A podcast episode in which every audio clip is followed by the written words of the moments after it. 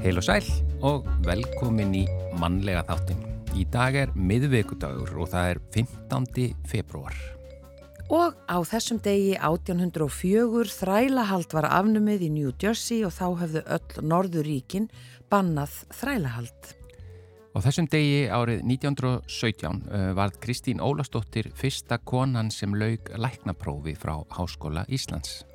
Og sama dag en nokkur síðar 1923 þá var Ingi Björg Há Bjarnar svon fyrsta konan sem tók sæti á alþingi. Á þessum degi árið 1972 ákvað Ríkistjórn Íslands að færa fiskveiði lögsögu Íslands að 50 mílum. Og siðment samtök áhuga fólks um borgarlegar aðtapnir e, voru stopnud í Reykjavík 1990. Já og yfir í efni þáttarins í dag við fáum andra Steinþór Björnsson, profesor við Sálfræðideild Háskóla Íslands e, til að koma til okkar. Hann ætlar að segja okkur frá nýjum rannsóknum sem snúað áföllum sem að benda til þess að félagsleg áföll geti valdið áfallastreitu enginum og jafnvel áfallastreitu röskun. Hinga til hefur skilgreining orsaka áfallastreitu verið talsvert þrengri. Því geti þessar nýju niðurstöður aukið skilning á áföllum og hjálpa til við meðferð þeirra. Og hann, Andri, ætlar að koma hérna og útskýra aðeins fyrir okkur áfallastreitu röskun og áfallastreitu enginni og þessar nýju orsaki sem er verið að átta sig á. Og núna 17. februar næstkomandi heldur félagsráðgjafafélag Íslands, félagsráðgjafa Þing og yfirskriftin er að þessu sinni vinnu um hverfi vald, ebling og tækni og hún kemur yngar, hún geða hjartadóttir félagsráðgjafi og segir okkur frá rannsókn sem hún gerði á samt dóttur Sigrunu Júliusdóttur um hvernig til hefur tekist með innleiðingu SES, þar að segja samvinnu eftir skilnað sem er stafrætt vettvangur og hvert er mat foreldra og þeirra reynsla af því. Og þessi rannsókn er svo fyrsta sinna tegundar hér á landi. Við heyrum helstu niðurstöður og svona hvernig þetta hefur gengið. Já, svo fáum við postkort frá Magnús eða einasinn í dag. Magnús hefur verið á ferðalægjum Spán undanfarum halva mánuð og hann segir meðal annars frá heimsóknum sínum til Ímissa borga þar á meðal Madrid, Granada, Ronda og Malaga og hann segir frá því þegar hann heimsótti Granada fyrir 44 árum og hvernig borgarbragurinn hefur breyst á þeim tíma. Kjötkvæðiháttíðin er byrjuð á Spáni og stendur í alltaf halvan mánuð í sumum borgum og hann segir líka frá upphafi karnevalsins í Malaga. En við byrjum á lægi eftir Bergþóra Árnadóttur, þetta er hennar afmælistagur 15. februar. Hér syngur hún lagsitt Sýnir og ljóðið er eftir Stein Steinar.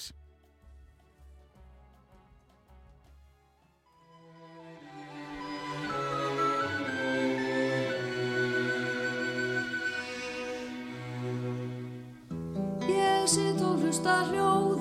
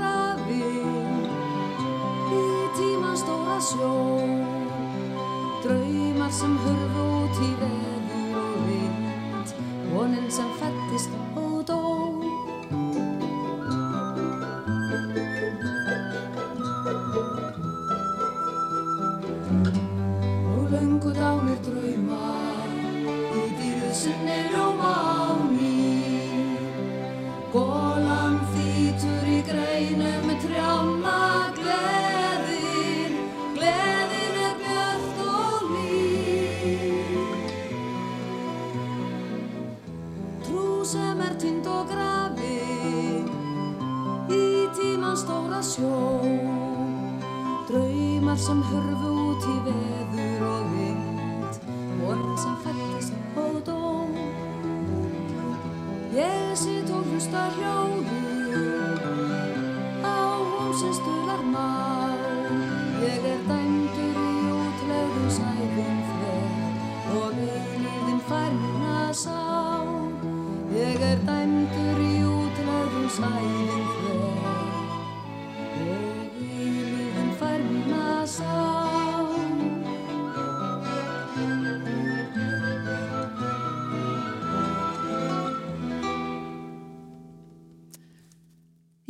var Bergþóra Árnadóttir lag sem heitir Sýnir eftir hana sjálfa og ljóði eftir Stein Steinar og eins og við sögðum á hann, þetta er hennar afmælistagur, 15. februar.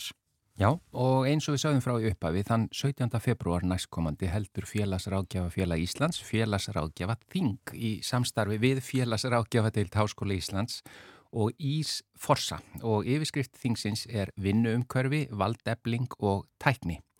Og Gíða Hjartadóttir, félagsrákjafi, hún er hinga komin og hún ætlar að segja okkur frá rannsók sem hún gerði á samt doktor Sigrúnu Júlíusdóttur um það hvernig til hefur tekist með innleiðingu stafræna vettvangsins SES eða samvinna eftir skilnað uh, og hvert er matforeldra og þeirra reynsla af því.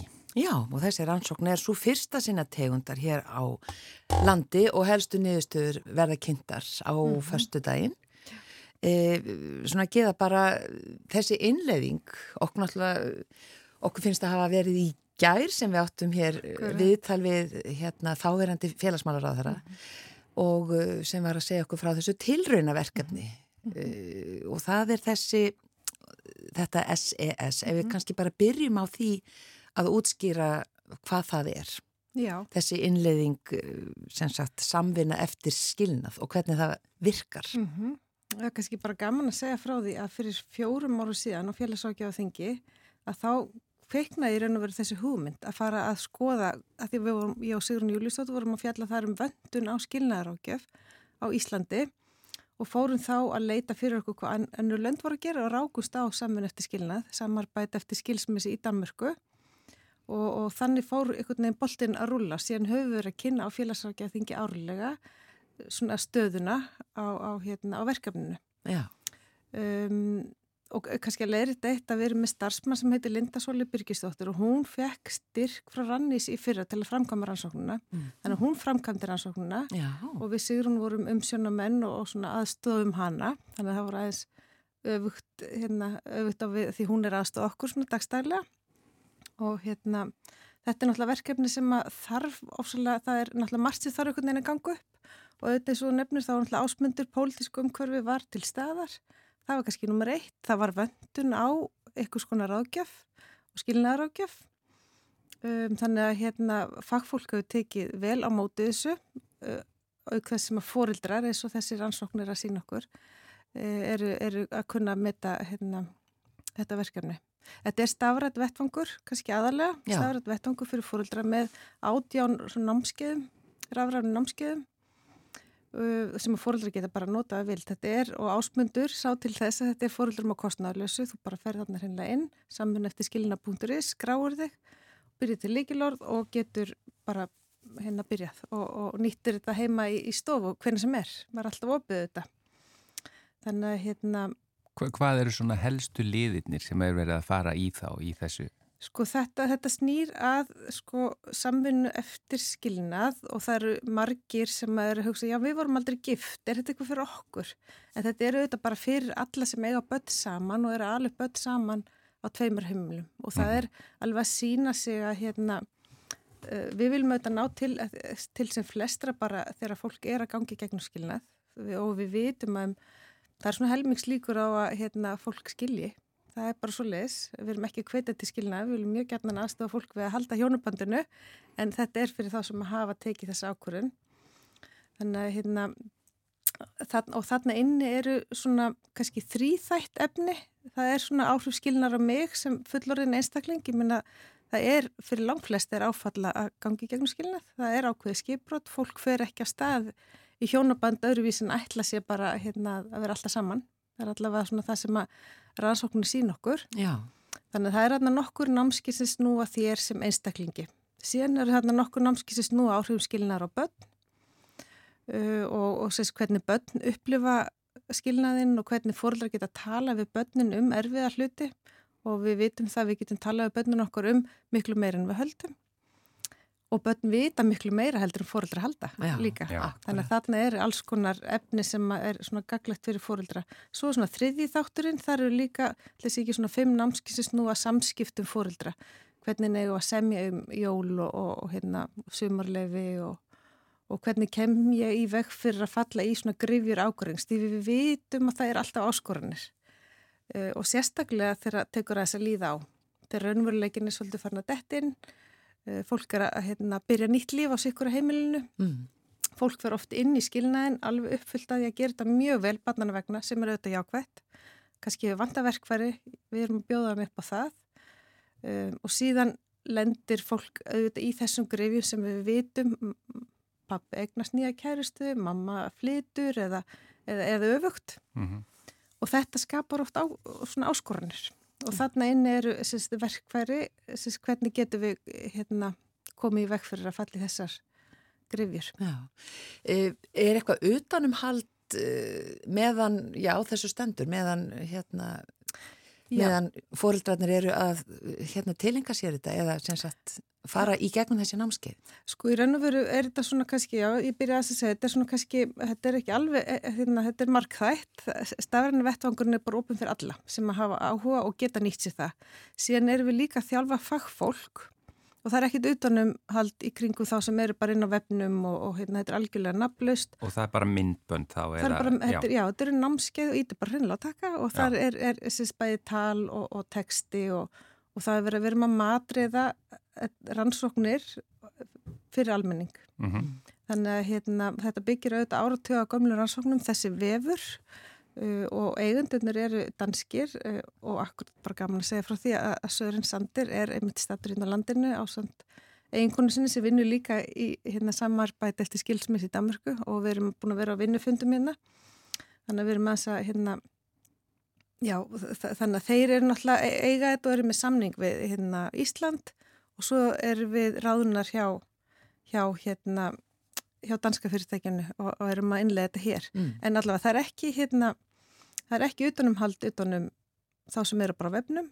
Við erum að þjálfa fagfólk í sveitafílónum aðalega um, og líka það hafi verið á námskeiðum hjá okkur, svona fyrir fagfólk hafi verið aðalega frá já, frá heilsugesslunni og, og, og náttúrulega mjög margi frá hérna, síslimansæmbættunum sem er í fjölskyldumáli þar. Já, þetta er allir, er allir tilbúinir til tilenga sér þess að nýja þekkingu. Og það fólk eru auðvitað að vinna sagt, í meðferðarlegum tilgangi með fóröldrum. Og það er kannski fyrir þá sem þurfu eitthvað ekstra. Já, og það, það er bara mjög margi sem að þurfa það og vilja það það er oft gott í þessum málum að leita til þriðaðila. En, en við, við svona sambandslít og, og hérna og ef það er barn og eða börn í spilinu mm -hmm. þá uh, væntanlega hlýtur að vera best að fara fljótlega inn í þá svona prógram en, en fyrir þau sem eru jafnvel skilin fyrir einhverjum árum eða eitthvað slíkt mm. Eh, er, það er ekkit á seint að fara inn í eða hvað? Nei, er, já, ég held ég að dott út af náni, ég ætlaði um þetta að fara að segja það að það er, kemur í ljós að stór hlut af þeim sem er að nýta sér þetta er fólk einmitt uh, sem er kannski búið að vera skilið í ykkur ár. Já, já. Og kannski voru aldrei gift, sko, eiga, eiga reynilega bara batt saman. Mm. Þannig að þetta er, þetta er, þetta er gaglegt fyrir alla.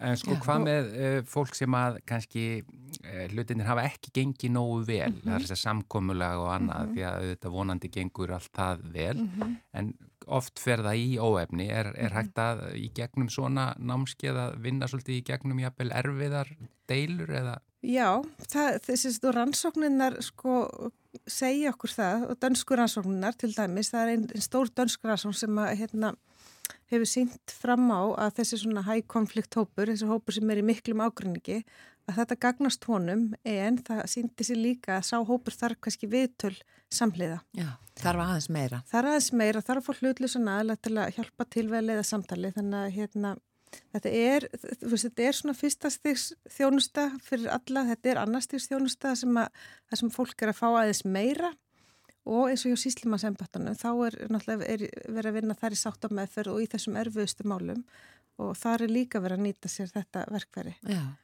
E, það var aðtiklisvert e, það sem hún sagði okkur áðan mm -hmm. að, að, hérna, að það er vekur eftirtækt, já til dæmis þeirra hérna dana sem þú talar um hérna mm -hmm. að þetta, þetta kemur vel út hér. Já. Það er mjög góð reynsla af þessu hér. Akkurat. Og kannski, já, betri heldur en þar.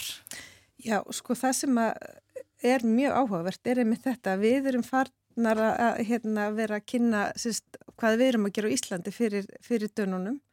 Um, rannsóknuna Lindu og það verður, sérst, hún er að fara að kynna sérst, fyrir bæði svíjum og dönum niðurstöðu sína rannsóknar og, og, er, og það er búið að fjalla um hvað er að gerast hér á Íslandi þessum málum í dönskum fjölmjölum og meðal annars kopar nú daginn kvartning til danskra yfirvalda um að horfa til Íslands þegar verið að vera skipulegja málefni barna því að þar sé verið að sína árangur sko. Þannig að við erum auðvitað mjög stolt af þessu að það er að ganga vel hér á Íslandi. Og það er kannski sem ég var að segja það, pólitikinn er veist það er stutt á bóðlegir, það var vöndun á okkur og við Íslandikar erum bara svolítið góði í þessu. Við tökum nýjungum vel og, og svo náttúrulega vitum við líka þetta er að virka.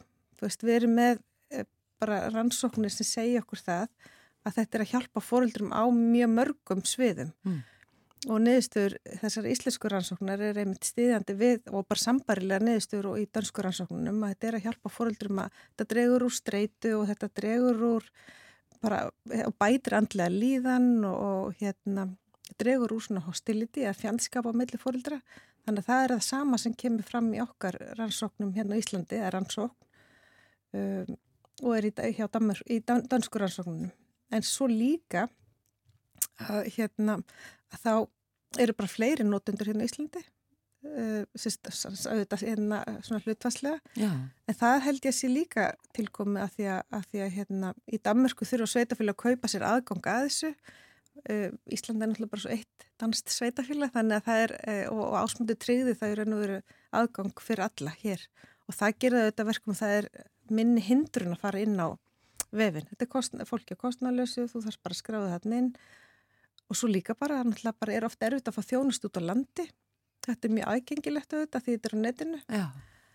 þannig að hérna, það, það er eiginlega veist, það er eiginlega allt fyrir ekkar jákvæmt við þetta verður ég að segja. Akkurat, og þetta með að þetta er fólki að kostnæðalösu lítur að vera já. mjög stórt atriði. Akkurat, já, þá, já. Og, Þetta er áhugaverða niðurstöð Já, og, og ég minna í stærsta hópurinn getur nýtt sér þetta, þú veist bara á vefnum og svo er þarna ákveðin hluti sem að þarf kannski aðeins meira og sveitafélagin er að þjálfa upp sitt starfsfólk. Ég sá bara til dæmis í gæri að árborgar auðlýsa námskeið fyrir fóruldra, það sem hefur verið að fara svolítið á dýftina í það. Mm. Akureyri hefur verið með námskeið fyrir fóruldra, þau hafa þjálfa sitt fagfólk líka, Akranes, uh, bara svona, svona það fyrsta, eða svona það sem er dætti núni í hug sko og við erum auðvitað að hvetja sveitafélag til að vera kannski með námskeið það sem við fara þess á dýftina og auðvitað veit ykkur skona svona persónulega rákjöf. Ja. Aðteglisvert og svona fyrir þá sem eh, vilja heyra mm -hmm. hérna meira þá e, er þetta félagsraðgjöfaþing, það er opið öllum. Já, það er opið öllum. Já, já. og það er núna á förstu daginn. Á förstu daginn, það er náttúrulega mjög margt jákvætt og spennandi á döfinni þar sko. Já, mm. mjög góð erindi, alls mhm, konar mm -hmm. sem það er eh, hérna verða og það er á meðal hérna helstu niðurstöðu kynntar úr þessari rannsó og svona fyrir þá, þá sem vilja vita þá byrjar þetta bara átta að mótni og stendur bara yfir daginn. Já, stendur yfir daginn, ég held sem er þess að partíum kvöldi sko. Það er nefnilega það. Kæra þakkir, Gíða Hjartadóttir, félagsákjafi. Takk sem leiðis.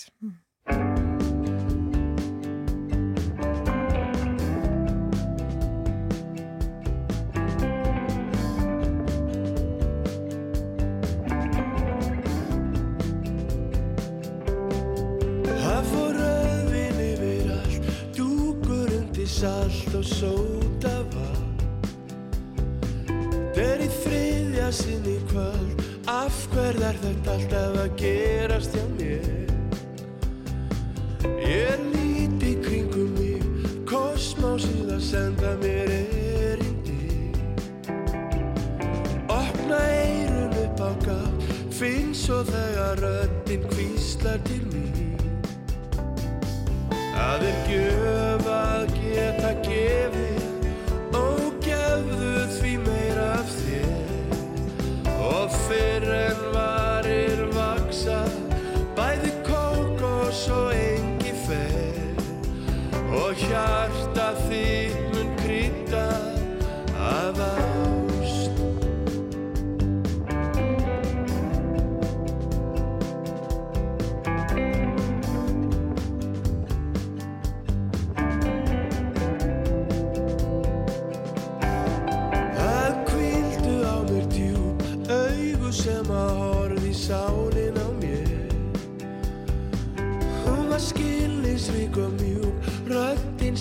sem að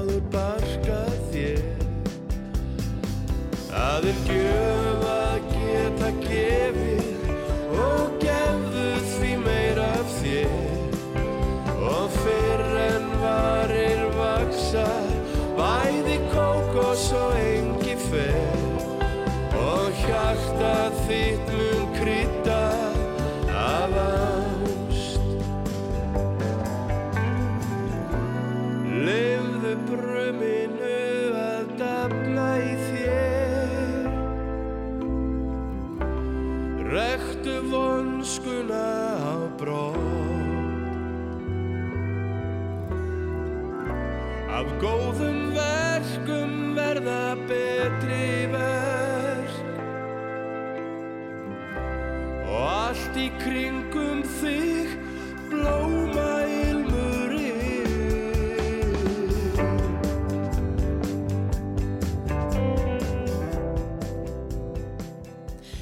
Þetta er Helgi Björns, Kókos og Engifer lag eftir hann og Guðmund Óskar Guðmundsson og Alla Bodlason.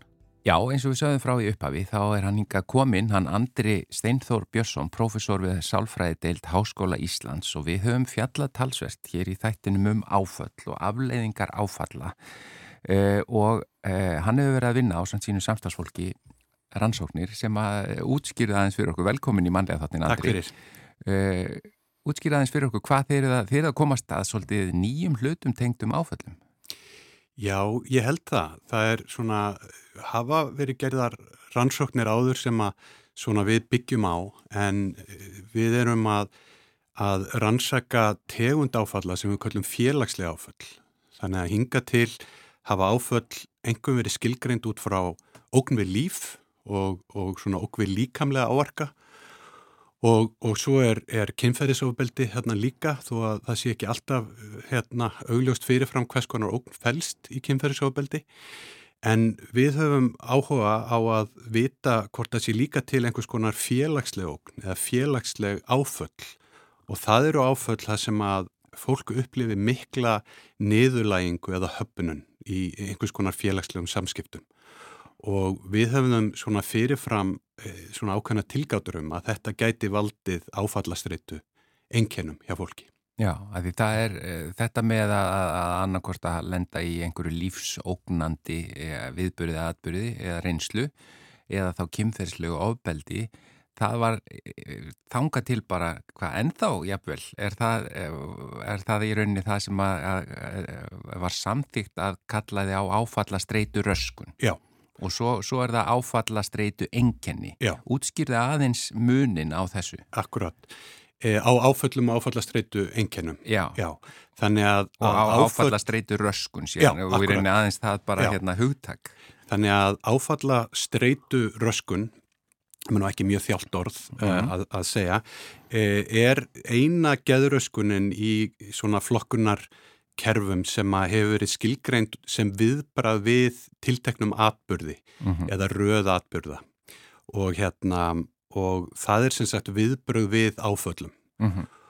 og þau hafa sem sagt fyrirfram verið skilgreind eins og við sögum áðan aðalega út frá lífsókn eða kynferðisofbeldi og svo hefur við verið að rannsaka annan flokk enkenna, nei hérna atbyrða Já, það hefur verið talað auðvitað um eins og hermenn sem kom úr stríði eða fólki sem lendir í flugslýs eða hvað sem Já, er einhver svona alv þannig. Já, og það sem að gerist þegar fólk þróa með sér áfalla streitu röskun og það er til ímsa kenningar um hvernig þetta þróast en þá er hægt að eiginlega líta svo á að það verði eins konar skamhlaup í heilanum. Mm. þegar að fólk lendir í svona lífs hérna, reynslu sem felur í sér svo mikla ógn að, að kerfið fer allt saman eiginlega á hliðina og ógnin er því lík að hérna, fólk getur ekki almennilega unnið úr lífsreynslunni þannig að þetta verður ekki minning eins og venjulegar minningar í heilanum þar sem að fólk svona fer, minningin fer úr skamtímaminni yfir í langtímaminni og er þá tengd við stað og stund og svo framvegis heldur geimist hún á miklu hrára formi sem hérna einkennist aðalega af svona skinn upplifun Mm. Og til dæmis þá verður það sem sagt þannig að þessar, þessi minningabrót eða minningablossar oft á tíðum sem að eru sem sagt svona hluti af minningunni sem er oft sá hluti minningana sem er hérna félur í sig mesta óbeldið og það kemur tilbaka eins og minningablossar þannig að fólk eiginlega endur upplifir það sem að gerðist og það upplifir oft þannig að það sé bara hér og nú að upplifa áfallið. Já. þótt að kannski viti á einhvern nátt að það sé ekki e, þannig. Og við þessa lífsreynslu þá er þetta svo ofbóðslega sásaukafull upplifun að fólk fer að reyna að forðast e, hérna að upplifa þessar, þessar minningar sem fælst í alls konar svona forðun við staði og fólk sem að fólk tengir við atbyrðin fólk er hérna sínir alls konar einkennis og ofur árvekni það sem er að skanna umhverfið eftir hættu og verður mjög viðbrygðið og, og svo framvegs og það breytir oft viðhorfum fólk þannig að það upplifir heiminn miklu hættulegri en hann er Já. og svo framvegs þannig að þetta er svona klasi af einkennum, ég held að séu 16 einkenni sem eru hlut af þessari svona sjúkdómsmynd eða geðuröskunarmynd sem við köllum áfallastreitu röskun. Já, og svo áfallastreitu enkenni. Já. Eh, það er þá bara eitt af þessum, Já. eða hvað, þannig að þú Mörg. þarft í rauninni að uppfylla nokkur mörg slík til þess að vera með áfallastreitu röskun. Já, emitt. Þannig að það eru svona forðunar enginni, það er þessi áruvekni enginni sem ég var að tala um áðan og svo framvegi sem að, sem að hérna, e, fólk þjáist af og þannig að, að sjúkdómsmyndin getur verið mjög ólíka millir tveggja einstaklinga sem báðir eru eða bæði með áfallastreitur öskun. En þetta sem þið eru að rannsaka núna, það er í rauninni þá að það eru mun e, fleiri ástæður sem Já. að liggja að baki og sem að var kannski ekki, hverju breytir það að, að skoða þetta svona? Já, þannig að það er svona daldi laungsaga þessu að hérna að þeir, svona eins og þessi geðgreiningar flokkunar kerfi eins og e, flokkunarkerfi ameríska geðlæknafélagsins e, í kringum 1980 settuðu fram eina útgáfa kerfinu þar sem að verið að reyna að skilgreina a, hluti og enginni á eins hlutlagan hátt og hægt er. Og það sem þetta hafði meðal annars, annars í för með sér, hvað var þar áfalla streyturöskun, er að það var reynd að skilgrina fyrirfram atbyrðina sem að gætu leitt til áfalla streyturöskunar og eins og ég sagði aðan, það voru svona atbyrðir eins og hérna að lenda í snjóflóði eða lenda í nöðgun eða eitthvað slíkt og það hefur verið svona dilt um þetta síðan hvort að hérna, þetta séu hérna, atbyrðinir sem eru þeir einu sem geta leitt til áfallastreitur öskunar og hérna um þetta hefur verið dilt lengi. Og við höfum í rauninni bent á að þessi deila hefur ekki verið mjög svona árangusrík og setjum í rauninni fram það hérna þau sjónamið að í stað þess að reyna skilgreinenda fyrirfram út frá einkennum sem, út frá atbyrðum sem þú verður að hafa upplifað, Mm -hmm. að það sé betra að skilgreinenda út frá einhvers konar lífsreynslu, það sem einstaklingun upplifir einhvers konar ógn sem aðeins er hægt að skilja með vísun í þróunasögu tegundarinnar. Og lífsókn er svona augljós hérna ógn við líf, sem sagt, eða sem sagt að, að lenda í hérna handalögmálum eða líkamsárás er svona augljós ógn við líf. Mm -hmm. En félagslega ógnin er aðeins svona lúmskari en, en það. Þannig að þá verður maður að skilja að maðurinn hefur alltaf verið félagslegt dýr eins og Aristóteles sagði á, á sínum tíma og hefur sem sagt þróa með sér miðtögakerfi þegar hann livði í hópum Það sem að maðurinn tristi á hópin sinn uh, upp á öryggi, upp á aðgangað fæðu og maka og svo framvegs. Þannig að það að vera niðurlæður, það að vera hafnað af hópnum er út frá þróunarfræðilegu samhengi jafn lífsættulegt og líkamsárás. Og þá ert að tala um það svona félagslega áfull eins og þá hvað einelti? Einelti, og... andlegt ofbeldi uh, og svona mætti áfram telja og og það hefur komið í ljós til dæmis að kynferðisofbildi það sem að flestir þólendur í okkar ansóknum hafa sagt frá er að það er niðurlægingin sem að er svona það sterkasta í, í þeirri upplifun. Já, bara niðurlægingi í margskonar mynd. Já, Já. akkurat. Og þetta, sko, en nú einn spurning fyrst hérna, Já. af hverju þurfum við að skilgreina hvaða það er sem veldur e, áfallastreituröskun? Akkur er, er ekki hægt að greina hana hjá einstaklingum Jú. og skiptir máli hvaða er sem er orsöki? Það er mjög góð spurning og þetta hafa rannsækundur stundum bent á að það sem skiptir ekki máli eru atbyrðinir og það sem að rannsóknir og þessi deila sem ég myndist á áðan hefur kannski leitt í ljós að þetta er ekki mjög svona hérna árangusrikt. Þannig að við vitum alveg að kynferðisofbeldi er miklu, miklu líklegra en að lendi í snjóflóði til að valda áfallastreituröskun. Það er mikilvægt að vita það. Mm. En það er þessi sjúkdómsmynd sem skiptir miklu meira máli heldur en nákvæmlega atbyrðinir sem þú lendir í. En hins vegar vitum við að það að spurja um ógn og þessa tvennskonar ógn, kannski eru fleiri gerðir af ógn en, en, en við vitum af núna, er svona veitir ákveðna vísbendingar um hérna svona sjúkdómsmyndina og orsakamyndina og það út frá svona kenningarlegu sjónarhóttni skiptir líka máli en það getur líka skipt máli mögulega fyrir meðferðina sem fólk hérna leitar sér. Hva, hva, hverjar eru helstu meðferðir í dag við til dæmis bara áfallastreituröskun uh, og, og er þá einmitt á hvaða hátt munu þær þá breytast ef að þetta ef að, ef að þið eruð að opna þannig alveg nýja glugga. Já, ég, ég held ekki kannski að við séum að opna endilega nýja glugga hvað var þar meðferð að gera. Ég held að það er tilgaggreint meðferð við áfalla streytur öskun og, og hérna og, og, og þær eru, þær eru rauninni margar gerðir af henni til sem hafa, hafa borið árangur til dæmis að, að bergs, bergskjaldast í gagvart minningurum eins og ég sagði aðan þá er fólk með áfallastreitur öskun það er gæmt á að forðast sko í staði og fólk en líka minningarna sjálfar. Mm -hmm. þannig að mikið af, af meðferðinni, ólíkri meðferð fælst í því að kalla fram minninguna á þess að reyna bælana eða eitthvað slíkt. Og, og það, það hefur borið hérna árangur. En það er svona þessi félagslega hlið af meðferðinni sem hefur ekki verið þróuð uh, hérna á jafn, hérna, jafn svona indregin hátt. Og, og þar held ég að skipti máli svona hinn hliðin á peningnum sem við erum að rannsaka sem er tengst þessara félagsleira áfalla við félagsfælni og, hérna, og hvernig meðferð við félagsfælni geti líka nýst við meðferð við áfallastritur öskun. Þið hafi líka verið í samstarfi við eh, eins og Unni Valdimarsdóttur og, og Örnu sem að hafa verið að vinna eða ekki um áfallasaga kvenna Já. Uh, og það er í rauninni að bara þá eru það að notast við þeirra rannsóknir eða hvað Já. inn í þetta sem þið eruð að rannsaka? Já, og ég var svo heppin að, að fá að taka þátt í að, að, hérna, að koma inn spurningum inn í þessa merkur rannsókn áfallasögu kvenna sem að fælst í mjög ídalegri rannsókn á áfallasögu kvenna og ímsa þætti sem að geta varpa ljósri á til dæmis áfallastreitur öskun og hérna og á sínum tíma þegar að hafa verið að undibúa þessa rannsókt þá vann ég með þeim að því að við getum rannsakað ekki bara lífsókn sem er svona þessi klassíska nálgun eins og við hefum fjallað hérna, um að, að áföllum heldur líka félagslegu þannig að svo rannsókn hefur gert okkur kliftað á kerfisbundin hátt að bera saman lífsókn og félagslegu í því hvernig e, áfallastreitur öskun e, þróast.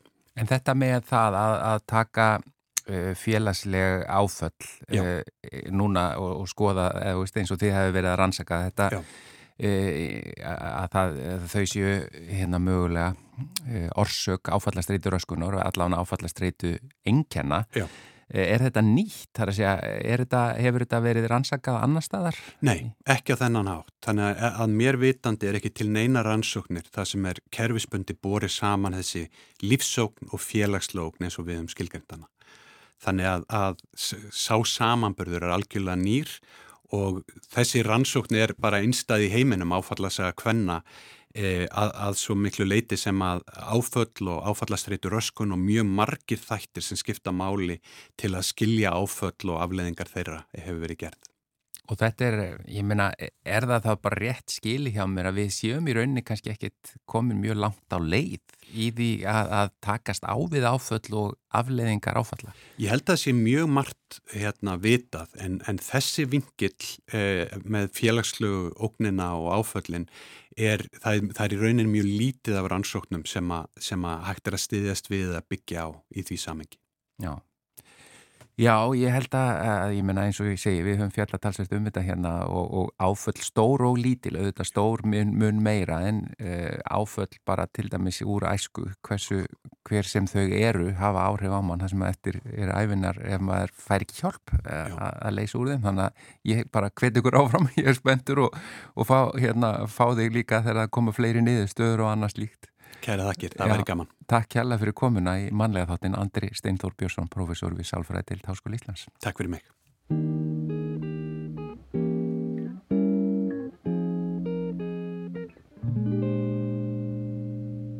I've rejected affection for years and years Now I have it, and damn it, it's kind of weird.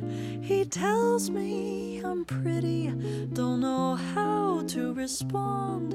I tell him She's pretty too. Can I say that? Don't have a clue. With every passing moment, I surprise myself. I'm scared of flies, I'm scared of guys. Someone please help.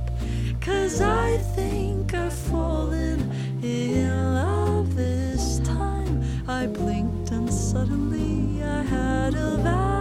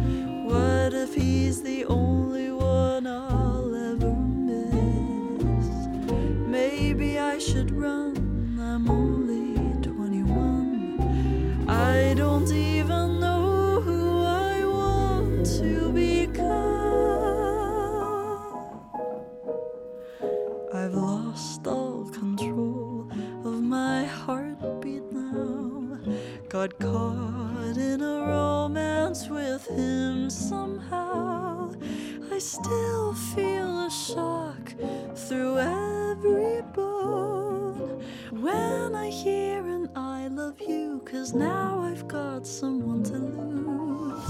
The first one to ever like me back. I'm seconds away from a heart attack.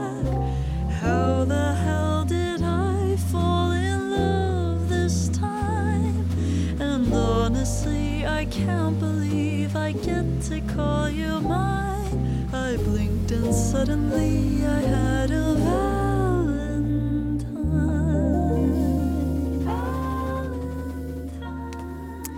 Þetta er hún Lauvei, Valentine, lag sem hún samti á samt Spencer Stewart. Já, en nú er komið að postkorti frá Magnúsi R. Einarsinni. Heil og sæl. Ég hef verið á faraldsfæti á spáni síðasta hálfa mánuðin með Kristjúnu minni og í fyrra fór ég fyrsta sinn til Tenerife eins og ég sæði frá í postkorti á þeim tíma. Mér þótti hins vegar ekki ástæð til að heimsækja eigarnar aftur. Þar er freka lítið um að vera fyrir utan strandlíf og slímsettur á veitingahúsum og þar er ekki þverfóta fyrir túristum. Maturinn óspennandi og músikinn flatneskja flutt af gítargullandi gölurum. Þessi stað kusum við að ferðast um Andalúsíu þó þar sé ekki eins hlít og undan ströndum Afriku en þá er þar oftast sóliritt hæglætisveður betri matur og miklu betri músík. Svo maður tala nú ekki um arkitektúrin, söfnin, hallinnar og musterinn og kúltúrin almennt. Og ferðalagið hófst í Madrid. Þangað hafði ég aldrei komið áður. En borgin er hrífandi glæsilegur arkitektúr, mikil menning, fínir veitingastæðir og einhvern veginn mjög aðlæðandi andrúsloft allstæðar þar sem við fórum. Það hafði alltaf verið á dagskraf hjá mér á meðan ég bjó í Alicante að heimsækja Madrid en COVID-faraldurinn trublaði þau plön sem og flestu önnu ferðarlögum spán sem ég langaði að fara. Madrid kom mér satt að segja nokkuð á óvart. Þetta er evrósk stórborgi klassa með París, Róm, London og Berlín og það má halda því fram að hún sé glæsilegust þeirra allra. Allavega fannst mér borgarbrægurinn tilkomi meiri þar en í Barcelona sem er vissulega flott borg og nýtur meiri vinstalda hjá ferðamönnum. Spátn er ekki eins leitt land. Spátn er nánast álfa útaf fyrir sig, svipað á Ítalija með ólíkum héröðum landfræðilega sem á menningarlega og héröðin 17 búa að mismunandi hefðum, ofta ólíkum mataræði, ímsum tungumálum af latneskum og baskneskum uppruna og borgirnar eru alla gamlar og þær búa hver og eini við sérstaklega sögu og menningu. Á laugadaginn var hófst karnevali hér í Malaga og því líkur ekki fyrir næsta þriðjudag þegar við höldum sprengidag á fróni. Karnevalið eða kjötkvæðju hátíðin er meiri háttar hátíð á spáni sem og í flestum katholskum löndum. Bolludagur, sprengidagur og öskudagur hjá okkur íslendingum er afskapla litlaus og döfleg hátíð með að við spænst karneval sem getur í sumum borgum og héruðum staði í alltaf hálfan mánuð. Hátíðin hófst hér í Malaga með mikilli söngvakefni þar sem söngvarar komið fram í ótrúlegum búningum með umgjörð sem myndi helst á það sem maður hefur séð frá karnevalinu í Rio de Janeiro. Uppafsatriðið var haldið utandýra á einu torgi borgarinnar, stjórnarskrár torginu og öllum herlegheitunum sjónvarpað. Fólki klættist förðurlegum búningum, margir grímuklættir og það var mikil stemning í borginni og hátíðu höldum verður framhaldið fram á sprengidag eins og áður, sagði. Andalúsia er heillandi hér að mikil náttúrufegurð og landið frjósamt verðismanni, mikil ræktun í öllu hér aðeinu. Frægar og fornar borgir eins og Cadiz, Sevilla og Córdoba, Malaga er einn elsta borg Evrópu sem státar af samfældri byggð í næstum 3000 ár. Okkur þótti sérlega áhugavert að ferðast hér um, engarlega eftir að hafa hlustað á hérna fróðlegu og skemmtilegu útastætti sem Örnólfur Árnarsson samdi og gerðum hér aðið og kultúrin í Andalusíu. Lilla fjallaborgin Rondaft laðar að ströym að ferðamönnum og þangað ógum við um fjöll og dali til að skoða þessa viðfrægu borg sem hefur verið valin romantískasta borg spánar af glanstímaritinu Hello sem fjalla samt aðalega um fræga og moldrika yðjuleysingja. Í Ronda er sagt að nautaatið í nútíma formi hafi átt sitt uppaf. Samt er nautarhingurinn orðin að sapni þar og ekkert at lengur. Borgin er afar sérkennileg að því leiti að hluti hennar er skilin að með feikna djúpu glúfri sem klýfur borgina og yfir gljúfrið er brú sem var byggð á átjándu völd. Brúin varð alræmt í borgarastyrjöldinni því þá tóku stríðandi aðilar upp á þeim kvikindiskap að henda anslæðingum sínum afbrunni ofan í gilið og það var fall sem enginn lifði af. Hemingway minnist á þetta að með minnir í bókinni hverjum klukkan glimur en Hemingway var afskapla hrifin af ronda og þar er sérstöku gönguleið sem er mert honum leið sem hann gekk daglega á meðan hann dvaldi í ronda. Þessi gönguleið er ekki fyrir loftræta. Og það er stitta af Hemingway fyrir fram að nautarhingin í ronda og hann er í hávegum hafður þar í borg. Veitingastadir eru nefndir eftir honum og viðam á sjá myndir af þessum fræga rítumund á börum þar sem hann er sagður hafa notið gestrisni og drukkið með innbyggjurum. Við heimsóttum líka Granada sem var höfuborg Márana í Andalúsíu í margar aldir allt fram til ársins 1492 þegar Ferdinand Kongur og Isabella Drottning ráku þá á brott á samt öllum gýðingum sem þverskölluðust við að taka kristna trú. Granada er líka fyrsta borgin sem ég heimsótti á Spáni fyrir 44 árum. Borgin sjálf hefur lítið breyst en bragurinn er annar. Árið 1979 talaði varðlan nokkur sála ennsku í borginni og ég sem gæti ekki sett saman eina setningu á spænsku átti í nokkurum erfileikum í tjáskipti við innbyggjarana. En allt hafðist þetta með nokkuru handapati og svipurðu. En núna vilja allir æfa sig í ennsku og mann er svarað á þeirri tungu þótt ég sé í flestum tilvikum færari í spænsku en þeir í ennsku. Alhambra-höllin er ein af dýrgripum spánar, stórkóslegar og fallegar byggingar, þarna eru hallir, kastali, virki og gardar og allt er þetta vitnisspurður um fegurðarskinn og fáaða byggingalist márana. Árið 1979 fór ég nokkra daga í röð upp í Alhambra. Þá voru fáir á ferli og oftast hafði ég með mér bók til að lesa á milli þess sem ég ráði um stundunum saman og dáðist að rambra. Í dag þarf að panta aðgangsmiða með margra daga fyrirvara og tiltaka komutíman nákvæmlega. Núna eru langar byrjaður inn í hallirnar og allstaðar er tróðningur í Alhambra og vonlaust að njóta kyrðar og fegurðarinnar í friði og ró eins og fyrir rúmum fjórum áratugum. Engu að síður er það ómaksinsvert að heimsækja staðinn þótt massatúrismin sé hvimleður þá er maður jú hvort sem hann er líka betur en að verð hluti á hann. Neðsti parturinn af gönguleiðinni upp til Alhambra er þraung lítil gata sem heitir Cuesta de Gomorrez. Þar voru nokkru gítarsmiðir með verkstæði og vestlun í den tíð. Maður fekk að sitja þar og prófa hljóðfærin og spila eins lengi og maður vildi að nefndi. Á kvöldin fóru gítarsmiðirnir út á götu með vinum sínum, settust á litla kolla og spiluðu hver fyrir annan og okkur sem áttum þar leiðum. Það var kannabist þefur í loftunum og þeir voru með rauðislöskur og glös og þarna heyrði maður fínasta flamenco spil sem á klassík og stundum komu sögvarar. Gatan byrjar við Nýjatorg, Plaza Nueva. Þar á kvöldin kom ungt fólk og söng flamenco og klappaði flokna rytma með höndunum. Allt er þetta nú breytt. Það er aðeins einn gítarsmiður eftir við Kvesta til Gómórið og á nýja torki hafa sölumenn frá Afriku tekið yfir og nú heyrist hvorki ykkur söngur nýja gítarspil á þessum slóðum. Túristabúðir með sitt venjulega skran eru nú komnar í stað gítarsmiðana og unga fólkið er farið eitthvað annað með söngu sína og rytma. Við torkið eru sprotnur upp ódýrir veitingastæður og þarna átum við eina verstu pítsu sem ég hef á æfinni bræðan.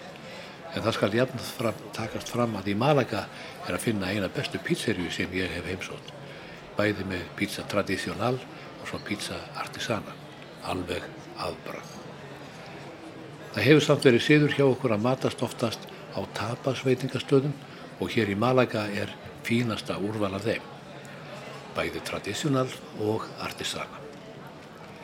Ég er nú hrifnari af nýjugerðinni en þeirri hefðbundnu og maður þarf ekki að lengi að leita til að finna fyrirtagstapa hér í miðborginni.